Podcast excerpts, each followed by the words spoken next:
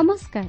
ଆରମ୍ଭ କରୁଛୁ ଆମର ବାଇବଲ ଅଧ୍ୟୟନର କାର୍ଯ୍ୟକ୍ରମ ପଥ ପ୍ରଦର୍ଶିକା।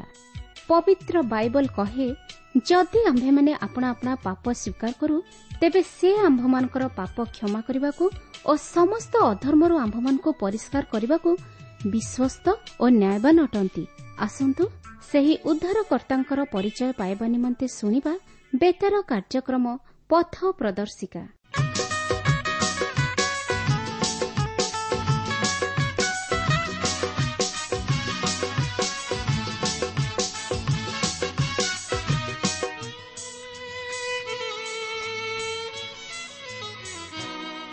ଗାଉଛି ଗାଇବି। ତୁମ ଜୟ ଗୀତି ଚିରଦିନ।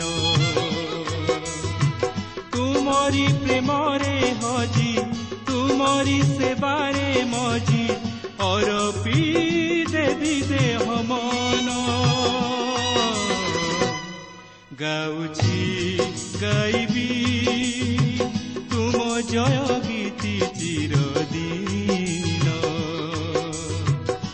ତୁମ ଜୟ ଗୀତି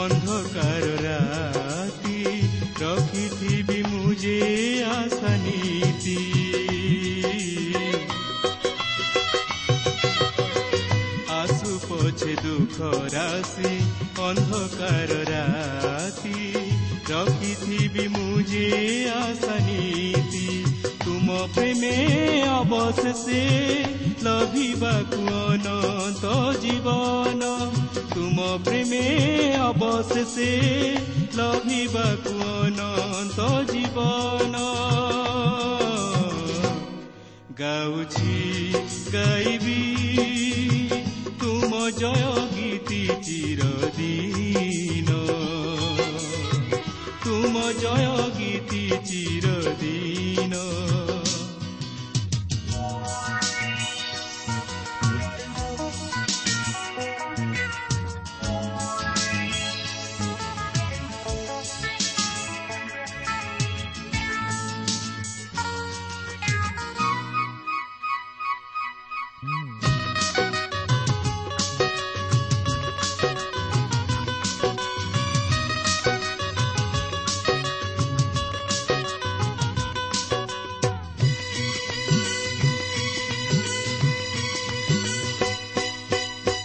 ଚିରଦିନ ସହିଯିବି ଜଗତର ଅପମାନ ସତ ସାଧିବାକୁ ତୁମ ଅଭିମତ।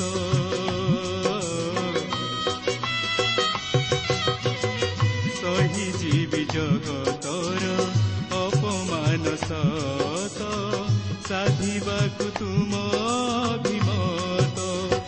ସାକ୍ଷୀ ହୋଇ ତୁମ ପାଇଁ କରୁଥିବି କୃଷକୁ ବହନ। ସାକ୍ଷୀ ହୋଇ ତୁମ ପାଇଁ କରୁଥିବି କୃଷକୁ ବହନ। ଗାଉଛି ଗାଇବି ତୁମ ଜୟ ଗୀତି ଚିରଦିନ। ତୁମରି ପ୍ରେମରେ ହଜି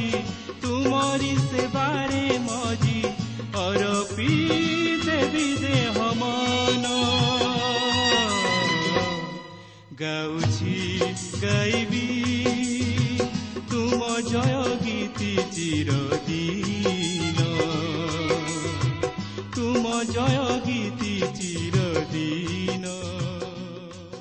ପ୍ରିୟ ଶ୍ରୋତା ବନ୍ଧୁ ଆଜିର ଏହି ଶୁଭ ଅବସରରେ ଆମମାନଙ୍କର ଉଦ୍ଧାରକର୍ତ୍ତା ତଥା ପରିତ୍ରାଣକର୍ତ୍ତା ପ୍ରଭୁ ଯୀଶୁଖ୍ରୀଷ୍ଟଙ୍କ ବହୁମୂଲ୍ୟ ନାମରେ ଶୁଭେଚ୍ଛା ଜଣାଇ ଆଜିର ଏହି ପଥ ପ୍ରଦର୍ଶିକା କାର୍ଯ୍ୟକ୍ରମରେ ଅଂଶ ହେବା ନିମନ୍ତେ ଆପଣଙ୍କୁ ସ୍ୱାଗତ ଜଣାଏ।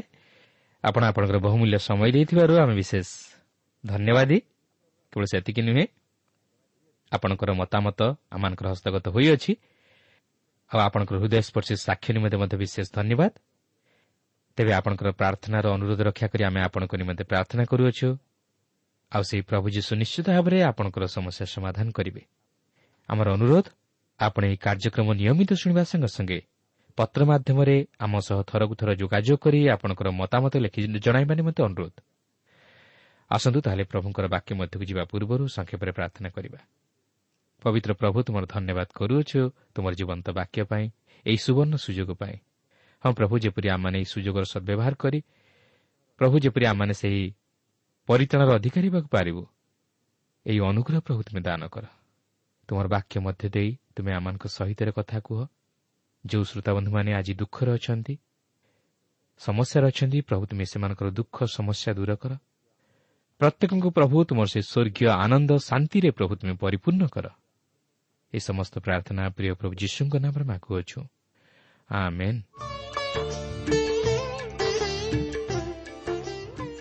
ଆସନ୍ତୁ ତାହେଲେ ବର୍ତ୍ତମାନ ଆମେ ପ୍ରଭୁଙ୍କର ବାକ୍ୟ ମଧ୍ୟକୁ ଯିବା।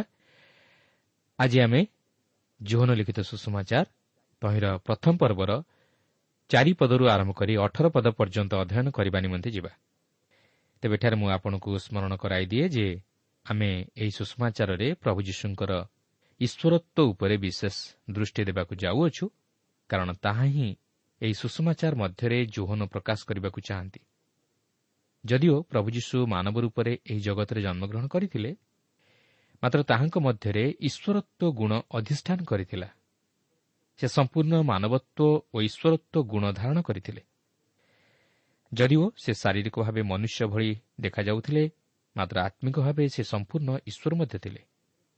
ତେବେ ଦେଖନ୍ତୁ ସେହି ଈଶ୍ୱରତ୍ୱକୁ ପ୍ରକାଶ କରିବାକୁ ଯାଇ ଜୋହନ ଆଉ କ'ଣ କହନ୍ତି?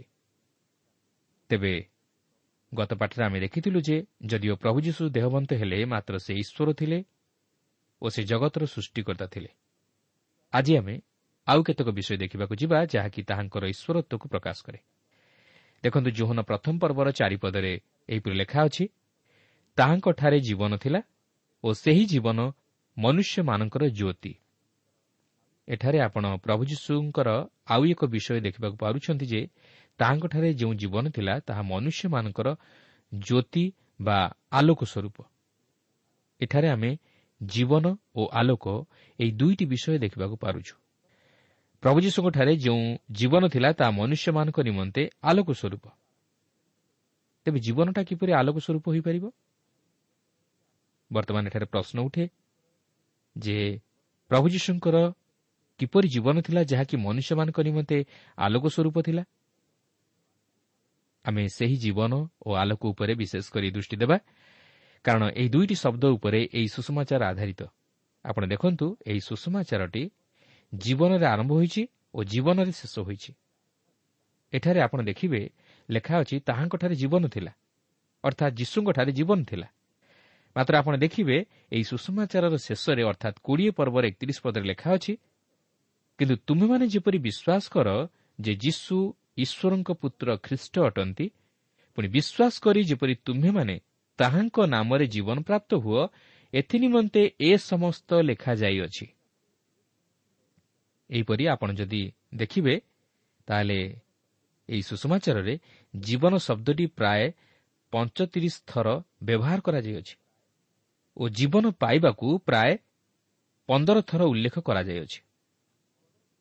ତେଣୁକରି ଏହି ଜୀବନ ଓ ଆଲୋକ ବାହିକ ଦୃଷ୍ଟିକୋଣରୁ ଜୋହନ ଉଲ୍ଲେଖ କରନ୍ତି ନାହିଁ ମାତ୍ର ଆତ୍ମିକ ଦୃଷ୍ଟିକୋଣରୁ ନେଇ ଉଲ୍ଲେଖ କରନ୍ତି।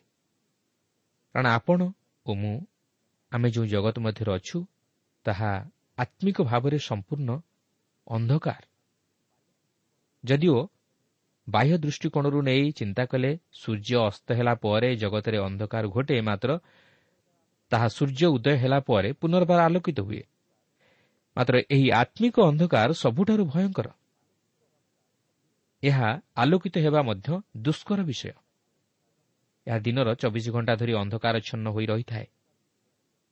ତେଣୁ ଆତ୍ମିକ ଅନ୍ଧକାରକୁ ଦୂର କରିବାକୁ ହେଲେ ପ୍ରଭୁ ଯୀଶୁଙ୍କୁ ଆମ୍ଭମାନଙ୍କ ହୃଦୟରେ ଗ୍ରହଣ କରିବାକୁ ହେବ।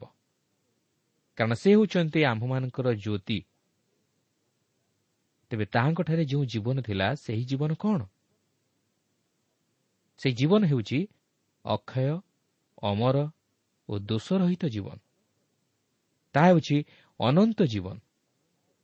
ସେହି ଜୀବନ ଅନନ୍ତ ଜୀବନ ଯାହାକି ଜୋହନ ତିନି ପର୍ବର ଷୋହଳ ପଦରେ ଲେଖା ଅଛି। ସେହି ଜୀବନ ବିଚାରରୁ ରକ୍ଷା କରେ ଯାହାକି ଜୋହନ ପାଞ୍ଚ ପର୍ବର ଚବିଶ ପଦରେ ଲେଖା ଅଛି। ସେହି ଜୀବନ ବିନାଶରୁ ରକ୍ଷା କରେ ଯାହାକି ଦଶ ପର୍ବର ଅଠେଇଶ ପଦରେ ଲେଖା ଅଛି। ତେବେ ସେହି ଜୀବନ ଆମେ କିପରି ପାଇପାରିବା?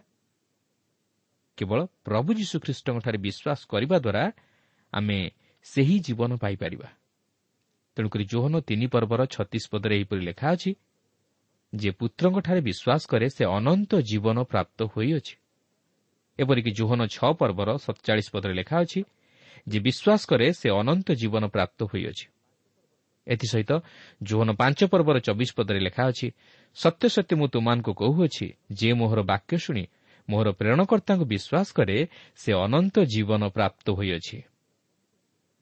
ତେବେ ସେହି ବିଶ୍ୱାସ କ'ଣ? ସେହି ବିଶ୍ୱାସ ହେଉଛି ପ୍ରଭୁ ଯୀଶୁଖ୍ରୀଷ୍ଟ ଯେ ଈଶ୍ୱରଙ୍କ ପୁତ୍ର ତାହା ବିଶ୍ୱାସ କରିବା ଓ ତାହାଙ୍କ ବାକ୍ୟରେ ବିଶ୍ୱାସ କରିବା। ଅର୍ଥାତ୍ ସେ ଯାହା କହିଅଛନ୍ତି ତାହା ଯିଏ ସତ୍ୟ ଏହା ହୃଦୟରେ ବିଶ୍ୱାସ କରିବା। ପ୍ରିୟ ବନ୍ଧୁ ପ୍ରଭୁ ଯୀଶୁ ଯେଉଁ ଜୀବନ ଦେବାକୁ ଚାହାନ୍ତି ତାହା ଅନନ୍ତ ଜୀବନ। ଯେଉଁ ଜୀବନ କେବଳ ଈଶ୍ୱରଙ୍କଠାରେ ଅଛି।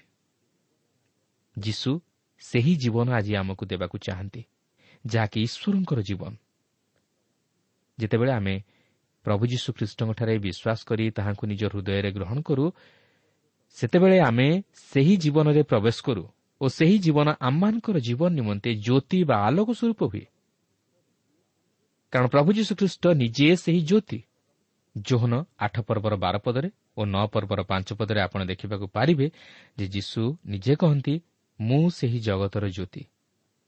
ଓ ଯେଉଁମାନେ ତାହାଙ୍କୁ ହୃଦୟରେ ଗ୍ରହଣ କରନ୍ତି ସେମାନେ ମଧ୍ୟ ଆଲୋକର ସନ୍ତାନ ରୂପେ ଗଣିତ ହୁଅନ୍ତି ଯାହାକି ଆପଣ ବାର ପର୍ବର ଛତିଶ ପଦରେ ଦେଖିବାକୁ ପାରିବେ।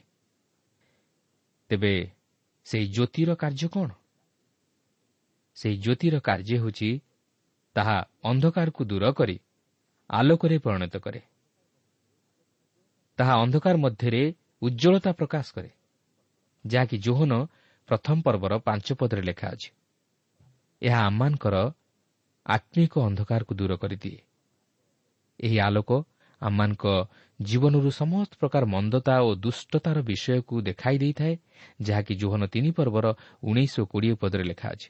ତାଛଡ଼ା ଏହି ଜ୍ୟୋତି ହେଉଛି ଆମମାନଙ୍କ ଜୀବନର ଦିଗଦର୍ଶକ ଯାହାକି ଜୋହନ ବାର ପର୍ବର ଛତିଶ ପଦରେ ଲେଖା ଅଛି ଓ ଏହି ଜ୍ୟୋତି ଆମମାନଙ୍କୁ ଏହି ଜଗତର ଅନ୍ଧକାରମୟ ପଥରୁ ଆମକୁ ରକ୍ଷା କରେ ଯାହାକି ଜୋହନ ବାର ପର୍ବର ଛୟାଳିଶ ପଦରେ ଲେଖା ଅଛି ପ୍ରିୟ ବନ୍ଧୁ ବାସ୍ତବରେ ମନୁଷ୍ୟ ଆଜି ଆତ୍ମିକ ଜୀବନରେ ଅନ୍ଧ ସେ ଆଜି ଅନ୍ଧକାରମୟ ପଥରେ ଗତି କରେ କାରଣ କୌଣସି ମନ୍ଦ ବିଷୟ କେବେ ହେଲେ ଆଲୋକରେ କରାଯାଇପାରେ ନାହିଁ।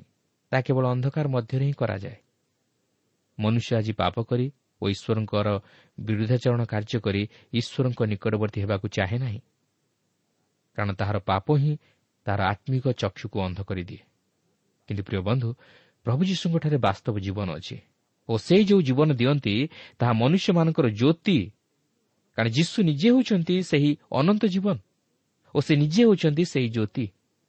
ସେ ହିଁ କେବଳ ମନୁଷ୍ୟକୁ ବାସ୍ତବ ଜୀବନ ଦେଇପାରନ୍ତି ଓ ମନୁଷ୍ୟର ହୃଦୟକୁ ଆଲୋକିତ କରିପାରନ୍ତି ଯାହାଙ୍କୁ ମନୁଷ୍ୟ ନିଜ ହୃଦୟରେ ଗ୍ରହଣ କରିବା ଦ୍ୱାରା ସେହି ଅନନ୍ତ ଜୀବନ ପ୍ରାପ୍ତ ହୋଇପାରେ ଓ ତାହାର ଜୀବନ ଆଲୋକିତ ହୋଇପାରେ। କିନ୍ତୁ ଯେପର୍ଯ୍ୟନ୍ତ ଆମେ ସେହି ଯୀଶୁଙ୍କଠାରେ ବିଶ୍ୱାସ କରିନାହୁଁ ଓ ତାହାଙ୍କୁ ଆମ ହୃଦୟରେ ଗ୍ରହଣ କରିନାହୁଁ ସେ ପର୍ଯ୍ୟନ୍ତ ଆମେ ସେହି ଐଶ୍ୱରିକ ଜୀବନ ପ୍ରାପ୍ତ ହୋଇପାରିବା ନାହିଁ କି ଆଲୋକର ସନ୍ତାନ ହୋଇପାରିବା ନାହିଁ। ଯେହେତୁ ମନୁଷ୍ୟ ହେଉଛି ପାପି ଓ ତାହାର ହୃଦୟର ସମସ୍ତ ଚିନ୍ତା ଓ କଳ୍ପନା ଅବିରତ ମନ୍ଦ ମାତ୍ର। କିନ୍ତୁ ଏହି ପାପପୂର୍ଣ୍ଣ ଓ କଳୁଷିତ ହୃଦୟ କେବଳ ପ୍ରଭୁ ଯୀଶୁଖ୍ରୀଷ୍ଟଙ୍କ ଦ୍ୱାରା ହିଁ ପବିତ୍ର ହୋଇପାରିବ। ଓ ସେ ଯେତେବେଳେ ମନୁଷ୍ୟର ହୃଦୟକୁ ଅଧିକାର କରିବେ ସେତେବେଳେ ମନୁଷ୍ୟ ହୃଦୟରୁ ସମସ୍ତ ଅନ୍ଧକାର ତଥା କଳୁଷିତ ବିଷୟ ଦୂର ହୋଇଯିବ। ମନୁଷ୍ୟ ଏକ ନୂତନ ଜୀବନ ଲାଭ କରିବ ଓ ତାହାର ଜୀବନରୁ ସେହି ପ୍ରଭୁ ଯୀଶୁଙ୍କର ଜ୍ୟୋତି ଉଦ୍ଭାସିତ ହେବ। ତେଣୁ ଯୌନ ଏଠାରେ କହିବାକୁ ଚାହାନ୍ତି ଯେ ପ୍ରଭୁ ଯୀଶୁ କେବଳ ଆମର ସୃଷ୍ଟିକର୍ତ୍ତା ନୁହନ୍ତି ସେ ମଧ୍ୟ ଆମର ଅନନ୍ତ ଜୀବନଦାତା ଓ ଆମର ଜୀବନର ଜ୍ୟୋତି ସ୍ୱରୂପ ଈଶ୍ୱର ଯାହାଙ୍କୁ ଆମେ ଆମ ହୃଦୟରେ ଗ୍ରହଣ କରିବା ଦ୍ୱାରା ଏହି ଜଗତର ଅନ୍ଧକାର ମଧ୍ୟରେ ପଥଭ୍ରଷ୍ଟ ହେବା ନାହିଁ ବରଂ ସେହି ଆଲୋକର ସନ୍ଧାନ ପାଇ ଜୀବନର ଲକ୍ଷ୍ୟସ୍ଥଳରେ ପହଞ୍ଚିପାରିବା ଓ ସେହି ଅନନ୍ତ ଜୀବନରେ ପ୍ରବେଶ କରିପାରିବା। କିନ୍ତୁ ଏହି ପ୍ରଥମ ପର୍ବର ପାଞ୍ଚ ପଦରେ ଜୋହନ ଆଉ ଏକ ବିଷୟ ଉଲ୍ଲେଖ କରନ୍ତି ଯଥା ସେହି ଜ୍ୟୋତି ଅନ୍ଧକାରରେ ଜାଜଲ୍ୟମାନ ହୋଇ ଆସୁଅଛି ଆଉ ଅନ୍ଧକାର ତାହା ଗ୍ରହଣ କରିନାହିଁ। ଏହି ଅଂଶରେ ଆପଣ ଦେଖିବେ ଏକ ଆତ୍ମିକ ଆଲୋକ ଓ ଅନ୍ଧକାର ବିଷୟ ନେଇ ଜୋହନ ଉଲ୍ଲେଖ କରନ୍ତି। କାରଣ ଦୃଶ୍ୟ ଆଲୋକ ଓ ଅନ୍ଧକାର କେବେ ହେଲେ ଏକାଠି ରହିପାରେ ନାହିଁ। ଆଲୋକ ଆସିଲେ ଅନ୍ଧକାର ଦୂର ହୋଇଯାଏ ଓ ଆଲୋକ ଚାଲିଗଲା ପରେ ଅନ୍ଧକାର ମାଡ଼ି ଆସେ। କିନ୍ତୁ ଆତ୍ମିକ ଆଲୋକ ଓ ଅନ୍ଧକାର ଏକାଠି ବାସ କରେ ଏଠାରେ ଲକ୍ଷ୍ୟ କରିବେ ଯେ ଅନ୍ଧକାର ତାହା ଗ୍ରହଣ କରିନାହିଁ ବୋଲି ଲେଖା ଅଛି ଏହାର କାରଣ କ'ଣ ଏହାର କାରଣ ହେଉଛି ଯେ ଯଦିଓ ସେହି ଜ୍ୟୋତି ଅନ୍ଧକାର ମଧ୍ୟରେ ପ୍ରଜ୍ୱଳିତ ହୁଏ ମାତ୍ର ଆମମାନଙ୍କର ହୃଦୟରେ ଯେଉଁ ଅନ୍ଧକାରର କାଳିମା ବିଷୟ ସବୁ ଅଛି ସେହି ଅନ୍ଧକାରର ବିଷୟ ସେହି ଐଶ୍ୱରିକ ଆଲୋକକୁ ସହଜରେ ଗ୍ରହଣ କରିପାରେ ନାହିଁ ଅର୍ଥାତ୍ ସେହି ଆତ୍ମିକ ଆଲୋକକୁ ବା ଜ୍ୟୋତିକୁ ଦେଖିବା ନିମନ୍ତେ ସମର୍ଥ ହୋଇପାରେ ନାହିଁ ଆପଣ ଜାଣିଥିବେ ଯେ ଆପଣଙ୍କ ହୃଦୟରେ ପ୍ରତ୍ୟେକ ସମୟରେ ଭଲ ଓ ମନ୍ଦ ଶକ୍ତି ମଧ୍ୟରେ ଅର୍ଥାତ୍ ଆଲୋକ ଅନ୍ଧକାରର ଶକ୍ତି ମଧ୍ୟରେ ଅହରହ ଯୁଦ୍ଧ ଚାଲିଥାଏ ମାତ୍ର ଆପଣ ସହଜରେ ସେହି ଅନ୍ଧକାରର ଶକ୍ତି ଉପରେ ଜୟଯୁକ୍ତ ଜୀବନ କାଟିବା ନିମନ୍ତେ ସକ୍ଷମ ହୋଇପାରନ୍ତି ନାହିଁ କିନ୍ତୁ ଏହାର ଅର୍ଥ ନୁହେଁ ଯେ ସେହି ଆଲୋକର ଶକ୍ତିକୁ ଅନ୍ଧକାରର ଶକ୍ତି ପରାଜିତ କରିଦିଏ ମାତ୍ର ସେହି ଆଲୋକର ଶକ୍ତି ସେହି ଅନ୍ଧକାର ମଧ୍ୟରେ ହିଁ ପ୍ରଜ୍ୱଳିତ ହୁଏ। କିନ୍ତୁ ସେହି ଅନ୍ଧକାର ତାହା ଗ୍ରହଣ କରିବା ନିମନ୍ତେ ସକ୍ଷମ ହୋଇପାରେ ନାହିଁ। କିନ୍ତୁ ଯେଉଁ ହୃଦୟ ସେହି ଆଲୋକକୁ ଗ୍ରହଣ କରି ଆଲୋକରେ ଚାଲିବା ନିମନ୍ତେ ଚେଷ୍ଟା କରେ ସେ ହିଁ କେବଳ ସେହି ଅନ୍ଧକାରର ଶକ୍ତି ଉପରେ ଜୟଯୁକ୍ତ ଜୀବନଯାପନ କରିବାକୁ ସକ୍ଷମ ହୋଇପାରେ। ଅର୍ଥାତ୍ ଯେଉଁ ହୃଦୟ ପ୍ରଭୁ ଯୀଶୁଖ୍ରୀଷ୍ଟଙ୍କୁ ଗ୍ରହଣ କରେ ସେ ହିଁ କେବଳ ଆଲୋକରେ ଚାଲିବା ନିମନ୍ତେ ସକ୍ଷମ ହୋଇପାରେ। କାରଣ ତାହା ତାହାର ଅନ୍ତରରେ ପ୍ରଜ୍ୱଳିତ ହୁଏ କାରଣ ପ୍ରଭୁ ଯୀଶୁ ହେଉଛନ୍ତି ଜ୍ୟୋତି ସ୍ୱରୂପ ସେ ଯାହାର ହୃଦୟରେ ବାସ କରନ୍ତି ତାହାର ହୃଦୟ ଆଲୋକିତ ହୁଏ ଯଦିଓ ଅନ୍ଧକାରର ଶକ୍ତି ତାହାର ହୃଦୟକୁ ଆକ୍ରମଣ କରିବାକୁ ଚାହେଁ ମାତ୍ର ସେ କେବେ ହେଲେ ଆଲୋକର ଶକ୍ତିକୁ ପ୍ରତିରୋଧ କରିପାରିବ ନାହିଁ। ଦେଖନ୍ତୁ ଏହି ଜ୍ୟୋତି ବିଷୟ ନେଇ ବାପ୍ତିଯୋଗ ଜୋହନ ମଧ୍ୟ ସାକ୍ଷ୍ୟ ଦିଅନ୍ତି ଯାହାକି ଜୋହନ ପ୍ରଥମ ପର୍ବର ଛଅ ପଦରୁ ତେର ପଦ ମଧ୍ୟରେ ବର୍ଣ୍ଣିତ ହୋଇଅଛି। ତେବେ ପ୍ରଥମ ପର୍ବର ଦଶ ପଦରେ ଏହିପରି ଲେଖା ଅଛି ସେ ଜଗତରେ ଥିଲେ ଓ ଜଗତ ତାହାଙ୍କ ଦ୍ୱାରା ସୃଷ୍ଟ ହେଲା ତଥାପି ଜଗତ ତାହାଙ୍କୁ ଚିହ୍ନିଲା ନାହିଁ। ଏହି ଅଂଶରେ ଜୋହନ ଯୀଶୁଙ୍କ ବିଷୟରେ ସାକ୍ଷ୍ୟ ଦେଇ କହନ୍ତି ଯେ ସେହି ଯୀଶୁ ଜଗତରେ ଥିଲେ ଓ ଜଗତ ତାହାଙ୍କ ଦ୍ୱାରା ସୃଷ୍ଟ ହେଲା ତଥାପି ଜଗତ ତାହାଙ୍କୁ ଚିହ୍ନିଲା ନାହିଁ। ଜୋହନ ଏଠାରେ ଆତ୍ମିକ ଅନ୍ଧକାର ବିଷୟ ମଧ୍ୟ ଉଲ୍ଲେଖ କରନ୍ତି। ଅର୍ଥାତ୍ ଏହି ଜଗତ ଆତ୍ମିକ ଭାବରେ ଏତେ ଦୂର ଅନ୍ଧକାରମୟ ଥିଲା ଯେ ତାହାଙ୍କୁ ଚିହ୍ନି ପାରିଲା ନାହିଁ। ଅର୍ଥାତ୍ ସେହି ଜ୍ୟୋତିକୁ ଚିହ୍ନି ପାରିଲା ନାହିଁ। ଯାହାକି ଆଜି ମଧ୍ୟ ଘଟୁଅଛି। ଆଜି ଅନେକ ନିଜର ଅବିଶ୍ୱାସ ତଥା ଅନ୍ଧବିଶ୍ୱାସ ନେଇ ସେହିପରି ଅନ୍ଧକାର ମଧ୍ୟରେ ଅଛନ୍ତି। ମାତ୍ର ସେମାନେ ଜ୍ୟୋତିକୁ ଏପର୍ଯ୍ୟନ୍ତ ଚିହ୍ନି ପାରିନାହାନ୍ତି ଆଜି ଅନେକ ନିଜର ପାପମୟ ଜୀବନକୁ ଚିହ୍ନି ପାରିନାହାନ୍ତି ବା ନିଜକୁ ପାପି ବୋଲି ଚିହ୍ନି ପାରିନାହାନ୍ତି ଯାହାଫଳରେ ସେମାନେ ଜଣେ ଉଦ୍ଧାରକର୍ତ୍ତାଙ୍କର ଆବଶ୍ୟକତାକୁ ଅନୁଭବ କରିପାରନ୍ତି ନାହିଁ କି ସେହି ଜ୍ୟୋତି ନିକଟକୁ ଆସିପାରନ୍ତି ନାହିଁ କି ତାହାଙ୍କୁ ଚିହ୍ନି ପାରନ୍ତି ନାହିଁ। କାରଣ ଜ୍ୟୋତିକୁ ଚିହ୍ନିବାକୁ ହେଲେ ପ୍ରଥମେ ସେହି ଅନ୍ଧକାରକୁ ଚିହ୍ନିବାକୁ ହେବ। କିନ୍ତୁ ଯେପର୍ଯ୍ୟନ୍ତ ଆମେ ସେହି ଅନ୍ଧକାରର ବିଷୟକୁ ଚିହ୍ନି ନାହୁଁ ସେ ପର୍ଯ୍ୟନ୍ତ ଆମେ ଜ୍ୟୋତି ଚିହ୍ନି ପାରିବା ନାହିଁ। ଆଜି ଯଦି ମନୁଷ୍ୟ ପ୍ରଭୁ ଯୀଶୁଙ୍କୁ ଘୃଣା କରୁଥାଏ ବା ତାହାଙ୍କୁ ଗ୍ରହଣ କରିନଥାଏ ତାହେଲେ ଏହାର ପ୍ରଧାନ କାରଣ ହେଉଛି ଯେ ସେ ନିଜର ଆତ୍ମିକ ଜୀବନର ଅନ୍ଧତାକୁ ବା ଅନ୍ଧକାରର ବିଷୟକୁ ଏପର୍ଯ୍ୟନ୍ତ ଚିହ୍ନିପାରେ ନାହିଁ। ସେ ନିଜର ସମସ୍ତ ପାପ ତଥା ଦୋଷ ଦୁର୍ବଳତାକୁ ଏପର୍ଯ୍ୟନ୍ତ ଚିହ୍ନିପାରି ନାହିଁ। ଆଜି ଯଦି ମନୁଷ୍ୟର ଆତ୍ମିକ ଜୀବନ ଅନ୍ଧକାରମୟ ହୋଇ ରହିଥାଏ ଏହାର କାରଣ ହେଉଛି ଯେ ସେ ସେହି ଅନ୍ଧକାରର ବିଷୟକୁ ପ୍ରେମ କରେ ଓ ସେ ଅନ୍ଧାରରେ ରହିବାକୁ ଚାହେଁ। ତେଣୁ ସେ ଆଲୋକର ଅନ୍ୱେଷଣ କରେ ନାହିଁ କି ଆଲୋକକୁ ଜାଣିବା ନିମନ୍ତେ ଚେଷ୍ଟା କରେ ନାହିଁ। ପ୍ରିୟ ବନ୍ଧୁ ଆଜି କ'ଣ ଆପଣ ପ୍ରଭୁ ଯୀଶୁଙ୍କୁ ନିଜ ହୃଦୟରେ ଜ୍ୟୋତି ସ୍ୱରୂପେ ଗ୍ରହଣ କରିପାରିଛନ୍ତି କି? ଯଦି ନୁହେଁ ତାହେଲେ ଆପଣ ଏବେ ବି ମଧ୍ୟ ସେହିପରି ଅନ୍ଧକାର ମଧ୍ୟରେ ଅଛନ୍ତି। କିନ୍ତୁ ଯଦି ଆପଣ ପ୍ରଭୁ ଯୀଶୁଙ୍କୁ ଜାଣିଛନ୍ତି ତାହେଲେ ଆପଣ ସେହି ଜ୍ୟୋତିର ପରିଚୟ ପାଇଅଛନ୍ତି। ଆସନ୍ତୁ ଏହାପରେ ଦେଖିବା ଏହି ଜ୍ୟୋତି ବିଷୟ ନେଇ ଜୋହନ ଆଉ କ'ଣ ପ୍ରକାଶ କରନ୍ତି? ଏଗାର ପଦରେ ଲେଖା ଅଛି ସେ ଆପଣା ରାଜ୍ୟକୁ ଆସିଲେ ତଥାପି ତାହାଙ୍କର ନିଜ ଲୋକମାନେ ତାହାଙ୍କୁ ଗ୍ରହଣ କଲେ ନାହିଁ। ଅର୍ଥାତ୍ ପ୍ରଭୁ ଯୀଶୁ ନିଜର ସୃଷ୍ଟ ଜଗତ ମଧ୍ୟକୁ ଆସିଲେ ମାତ୍ର ତାହାଙ୍କର ନିଜ ଲୋକମାନେ ତାହାଙ୍କୁ ଗ୍ରହଣ କଲେ ନାହିଁ ଯେଉଁମାନେ ବାସ୍ତବରେ ତାହାଙ୍କର ନିଜ ଲୋକ ଥିଲେ ସେମାନେ ତାହାଙ୍କୁ ଗ୍ରହଣ କଲେ ନାହିଁ ଯାହାକି ପ୍ରଭୁ ଯୀଶୁଙ୍କ ଜୀବନରେ ଘଟିଥିଲା। ସେମାନେ ଏହି ଜ୍ୟୋତିକୁ ଗ୍ରହଣ କରିପାରିଲେ ନାହିଁ କାହିଁକି? ସେମାନଙ୍କର ହୃଦୟ ଅନ୍ଧକାରମୟ ଥିଲା। ସେମାନେ ଜ୍ୟୋତି ଅପେକ୍ଷା ବରଂ ଅନ୍ଧକାରକୁ ଭଲ ପାଇଲେ। କ'ଣ ସେମାନେ ସେହି ଜ୍ୟୋତିର ପରିଚୟ ପାଇନଥିଲେ? ହଁ ସେମାନେ ପାଇଥିଲେ। ମାତ୍ର ଗ୍ରହଣ କରିପାରିନଥିଲେ କିନ୍ତୁ ଦେଖନ୍ତୁ ବାରପଦରେ ଲେଖା ଅଛି ମାତ୍ର ଯେତେ ଲୋକ ତାହାଙ୍କୁ ଗ୍ରହଣ କଲେ ଅର୍ଥାତ୍ ଯେଉଁମାନେ ତାହାଙ୍କ ନାମରେ ବିଶ୍ୱାସ କଲେ ସେ ସମସ୍ତଙ୍କୁ ସେ ଈଶ୍ୱରଙ୍କ ସନ୍ତାନ ହେବା ନିମନ୍ତେ ଅଧିକାର ଦେଲେ। ଏହି ଅଂଶରେ ଆପଣ ଲକ୍ଷ୍ୟ କରିବେ ଯେଉଁ ବିଶ୍ୱାସ ସମ୍ବନ୍ଧରେ ଲେଖାଯାଏ ତାହା ଏକ ମସ୍ତିଷ୍କ ଜ୍ଞାନର ବିଶ୍ୱାସ ନୁହେଁ। ମାତ୍ର ମସ୍ତିଷ୍କ ଜ୍ଞାନ ସହିତ ହୃଦୟର ବିଶ୍ୱାସ କାରଣ ଆଜି ଅନେକ ନିଜର ମାନସିକ ଚିନ୍ତାଧାରା ଅନୁଯାୟୀ ପରିଚାଳିତ ହୋଇ ପ୍ରଭୁ ଯୀଶୁଙ୍କୁ ବିଶ୍ୱାସ କରନ୍ତି ବୋଲି କହନ୍ତି ମାତ୍ର ସେମାନେ ବାସ୍ତବରେ ହୃଦୟର ସହିତ ବିଶ୍ୱାସ କରିପାରନ୍ତି ନାହିଁ ପ୍ରିୟ ବନ୍ଧୁ ଆଜି ଅନେକ ଏପରି ଅଛନ୍ତି ଯେଉଁମାନେ କି କହନ୍ତି ହଁ ମୁଁ ପ୍ରଭୁ ଯୀଶୁ ଖ୍ରୀଷ୍ଟଙ୍କୁ ବିଶ୍ୱାସ କରେ।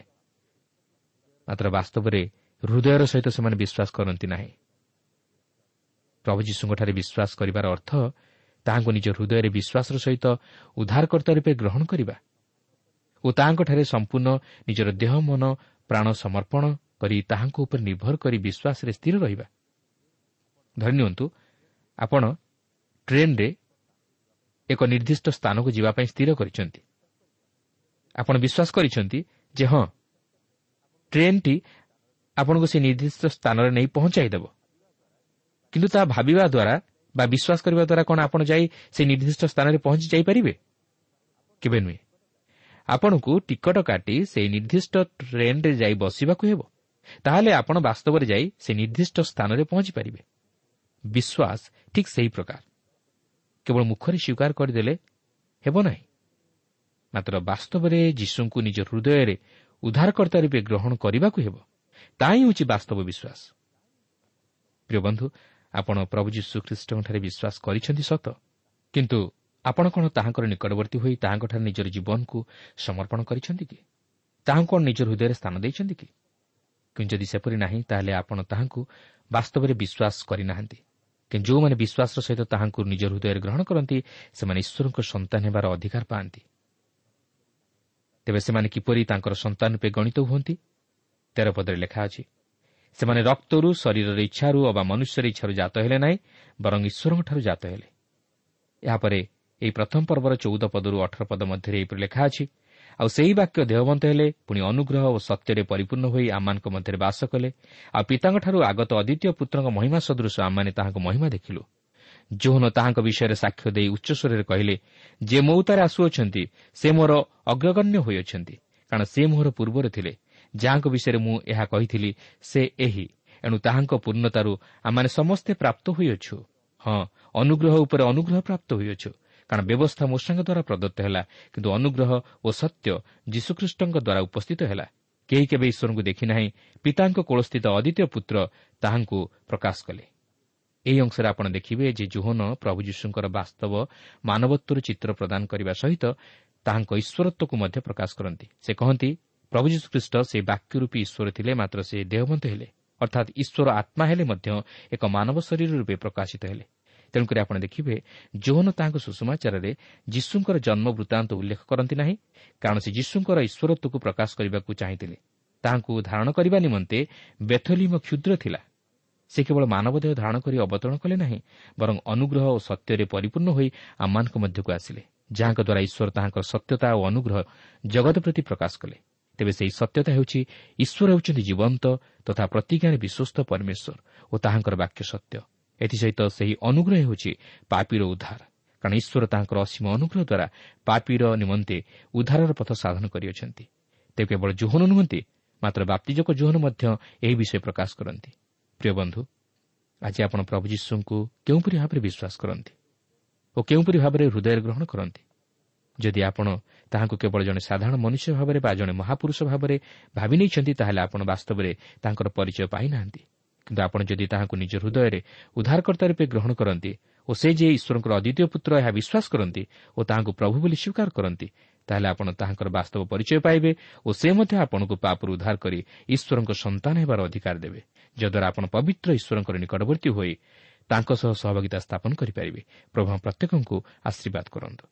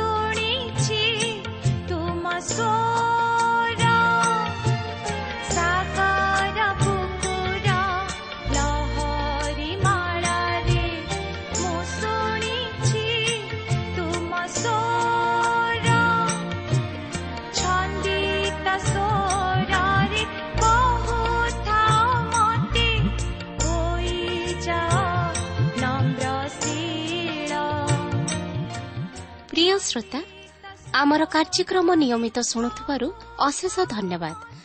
ଆପଣ ଏହି କାର୍ଯ୍ୟକ୍ରମ ଶୁଣିବା ଦ୍ୱାରା ଆତ୍ମିକ ଜୀବନରେ ଉପକୃତ ହୋଇପାରିଥିବେ ବୋଲି ଆମର ବିଶ୍ୱାସ। ପ୍ରଭୁ ଯୀଶୁଙ୍କ ବିଷୟରେ ଅଧିକ ଜାଣିବାର ଆଗ୍ରହ ଥିଲେ ଅଥବା ଉପାଦେୟ ପୁସ୍ତକର ଆବଶ୍ୟକ ଥିଲେ ଆମ ସହ ଯୋଗାଯୋଗ କରନ୍ତୁ। ଆମର ଠିକଣା ପଥ ପ୍ରଦର୍ଶିକା trans world radio India post box number ତିନି ତିନି ଭୁବନେଶ୍ୱର ସାତ ପାଞ୍ଚ ଏକ ଶୂନ ଶୂନ ଏକ। ଟେଲିଫୋନ୍ ନମ୍ବର ଶୂନ ଛଅ ସାତ ଚାରି ଦୁଇ ତିନି ଶୂନ ଶୂନ ତିନି ତିନି ପାଞ୍ଚ ଠିକଣାଟି ଆଉଥରେ ଶୁଣନ୍ତୁ ପଥ ପ୍ରଦର୍ଶିକା transworld radio India post box number three three Bhubaneswar seven five one zero zero one telephone number zero six seven four two three zero zero three three five ଆମର ଇମେଲ୍ ଆଡ୍ରେସ୍ଟି ଲେଖି ରଖନ୍ତୁ। Odia TTV at radio eight eight two dot com ତେବେ ଆଜି ପାଇଁ ବିଦାୟ ଦିଅନ୍ତୁ। ନମସ୍କାର।